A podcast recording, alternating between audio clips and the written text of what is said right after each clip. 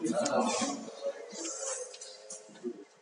sebelum kita mulai, mari kita panjatkan apa kehadiran kehadirat Allah Subhanahu Wa Taala karena pada hari ini kita bisa berkumpul di sini. Semoga kita diberikan kesehatan dan juga uh, kesejahteraan selalu dalam kehidupannya dan juga mari kita sampaikan junjungan serta salam kepada Nabi Muhammad SAW. Uh, pada baiknya sebelum kita mulai mari kita berdoa uh, sesuai percayaan agama masing-masing. Berdoa mulai.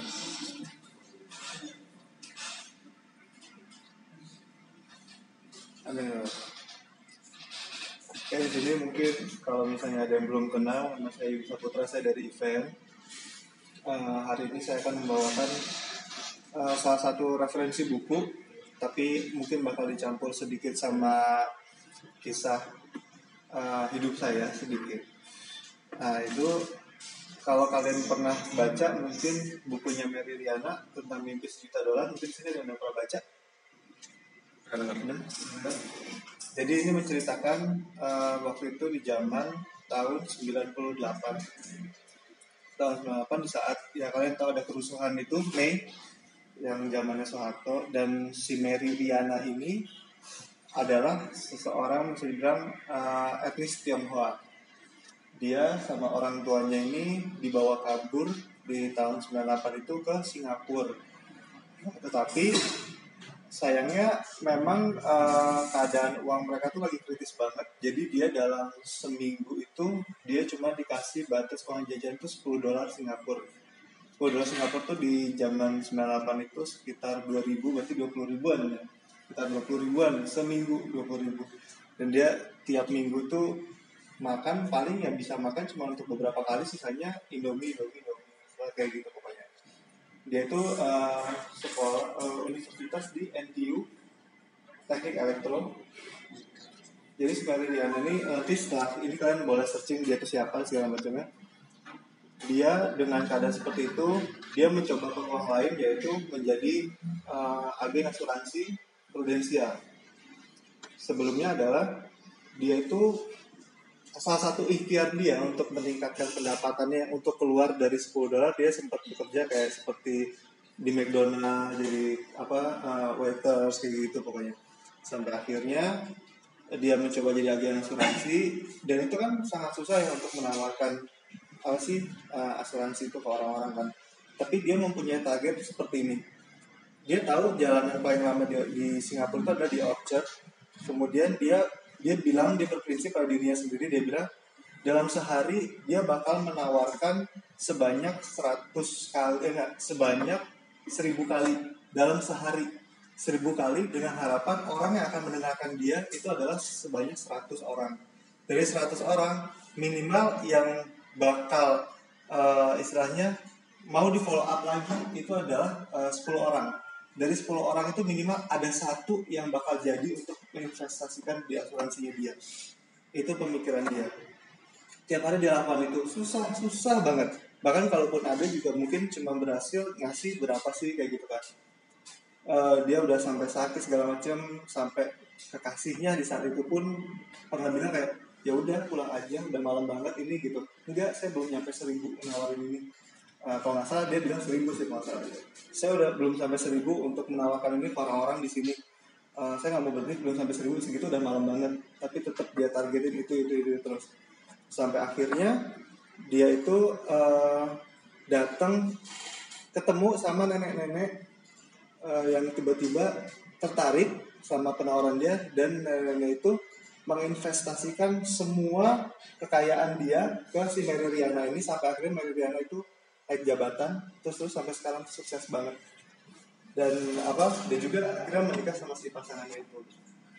Nanti bisa cari dia sering jadi sekarang jadi kayak motivator gitu sebenarnya Mary Riana di sini yang mau saya uh, ceritakan juga mengenai kisah hidup saya adalah kita tuh uh, yang namanya ikhtiar itu memang susah apalagi untuk masalah istiqomahnya kayak gitu. Untuk konsistensinya.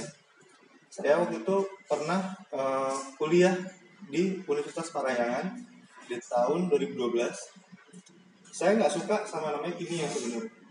Tapi uh, orang tua saya maksa untuk masuk kimia. Abang saya bilang kamu jangan pernah masuk teknik kimia katanya kayak gitu. Karena karena teknik kimia itu adalah tingkatan paling atas dari kimia dan itu susah banget. Tapi karena orang tua saya itu dari kimia kimia kimia sampai abang saya kimia akhirnya saya, saya pengen seperti sederajat lah dengan mereka gitu. Sampai akhirnya demi membanggakan mereka uh, saya tes di unpad sampai dua kali karena yang pertama gagal masuk ke fisika saya nggak suka fisika akhirnya masuk teknik kimia. Udah kayak gitu dua tahun saya ngejalanin kuliah itu akhirnya gagal. Saya juga di situ ngejalanin ada bisnis dan ada banyak teman-teman di situ tapi saya mengalami kejatuhan di tahun 2014 kejatuhannya itu apa? Percaya atau apa saya semester 1 saya di teknik kimia IPK saya itu 0,2 0,2 bayangin. Saya bilang sama orang tua saya IPK kamu berapa? 1,2 dan itu orang tua saya udah marah banget. Kalau dia tahu saya 0,2 itu gimana? Bayangin aja gitu. Sampai akhirnya uh, itu dua tahun empat semester berarti saya memutuskan untuk pindah. Saya tes untuk masuk HI di Unpar sebanyak tiga kali. Total saya tes di Unpar tuh lima kali.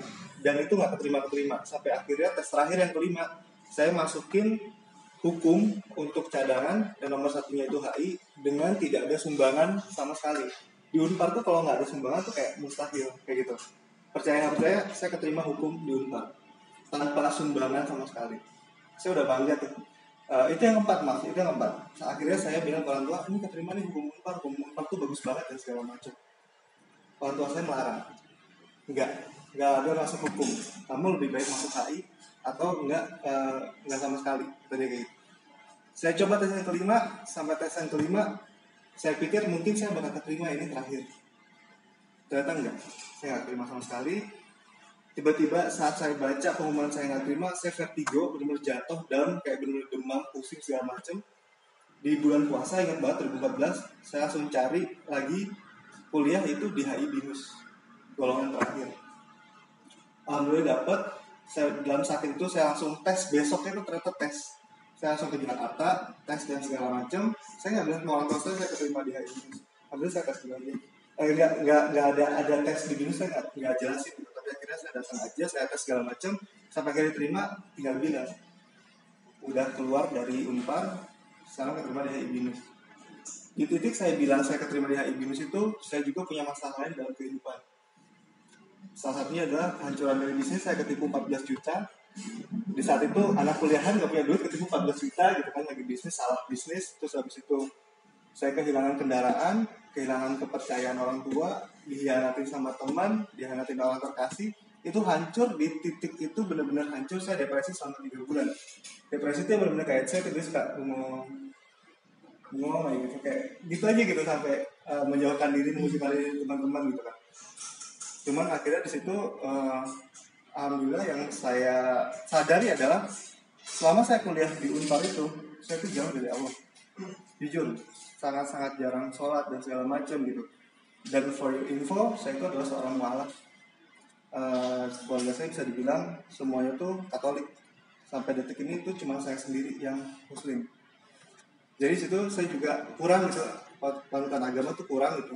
Tapi akhirnya di situ juga saya sadar saya mencoba untuk beribadah lagi akhirnya saya uh, mencoba untuk udah masuk kuliah diterima boleh kuliah di HI Binus alhamdulillah IPK saya di semester 1 tuh 3,8 dari 0,2 sampai kayak gitu. Karena menurut saya di situ kekecewaan saya kejatuhan saya itu itu hal-hal negatif itu malah memancing saya untuk menjadi orang yang lebih baik.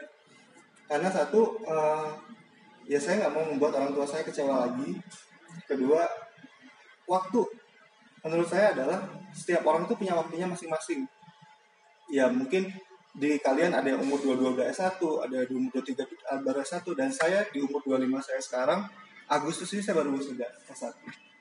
Dan menurut saya ya itu adalah suatu pencapaian yang sangat besar gitu maksudnya. Karena kalau bisa dikasih tahu sekali lagi selain saya mualaf dan keluarga saya saya itu ada Islam sendiri saya adalah orang yang mempunyai gelar sekarang S1 di keluarga saya sendiri saya punya tujuh bersaudara dan saya salah satunya S1 di keluarga. Menurut saya begitu. Dan maksud saya adalah depresi saya ini jangan membuat kalau kalian punya masalah yang sama atau mendekati jangan sampai berputus asa.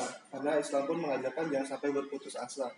Dan di saat kita punya impian kita boleh selalu melihat ke atas tapi di saat impian itu tidak bisa dicapai kalian jangan terus lihat ke atas lihat ke bawah kalian ada apa. Kayak gitu menurut saya seperti itu nah sekian dari saya itu guys